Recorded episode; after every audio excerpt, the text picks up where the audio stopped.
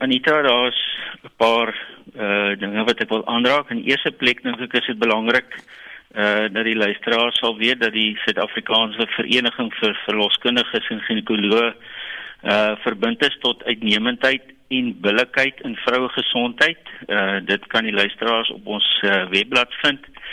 Ehm um, en omdat ons voel dat die nuwe regulasie van die IAAF onbillik is teenoor 'n sekere groep vroue atlete waaronder Caster Semenya spesifiek val, sou ons ons plig versaak as ons nie uh maar aansoek uh weet in hierdie geval um ondersteun nie. Um, in die tweede plek uh is die hele kwessie rondom verbeterde prestasie in sport 'n baie komplekse een en hier wil ek 'n paar dinge uitlig.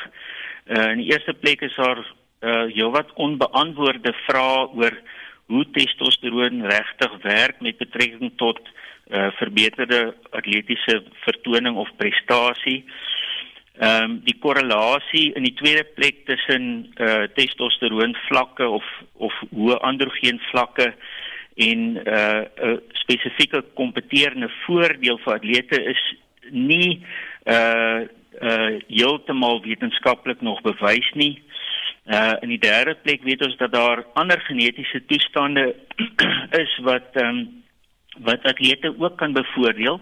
Uh en hierdie toestande word uh glad nie deur die IAAF ehm um, aangespreek nie.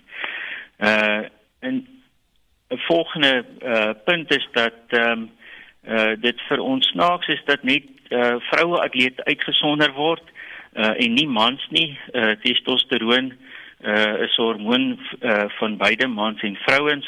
Uh, en ek is seker daarvan dat dieselfde argumente sou kon geld uh, waar mans uh, baie hoë testosteron uh, vlakke het. Uh, verder uh, wonder ons hoekom daar net uh, spesifieke uit items uitgesonder word.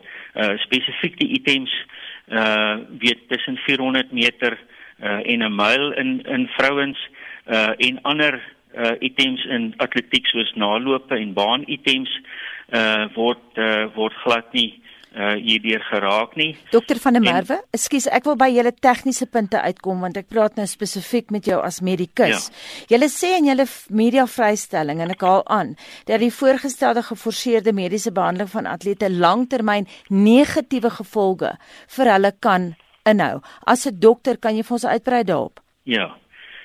Ehm um, Anita, daar is uh, oorsaaklik 3 uh opsies of of drie maniere hoe 'n ou die testosteron testosteron kan onderdruk. Uh die mees algemene is deur gewone orale kontrasepsie te gebruik. Uh die tweede is deur 'n uh, sekere groep middels wat ons GnRH agoniste noem en dan die derde opsie is om 'n gonadektomie te doen, met ander woorde in vrouens deur hulle ovaria te gaan uithaal. Ehm um, ek weet nie of jy wil hê ek moet uitbrei op op hoe elkeen van uh van hierdie opsies uh werk nie en dis miskien nie Nee, dis nie uh, nodig. Vir die luisteraar so belangrik nie. Maar ek dink as ons uh bietjie kyk na die na die potensiële uh neeweffekte of nadelige effekte van elkeen van uh van hierdie groepe middels is uh, is dit vir ons baie belangrik. Ehm um, om uh, om daarna te kyk. Uh in die eerste plek uh uh orale kontrasepsie uh het heelwat onaangename neeweffekte wat uh wat vrouens se kwaliteit van lewe beïnvloed. Uh hieronder tel uh simptome soos naait en braaking, hoofpyn, uh migraine, uh baie vrouens ondervind borsteerheid of borsongemak, uh gevoel van opgeblaasenheid um, en vogretensie.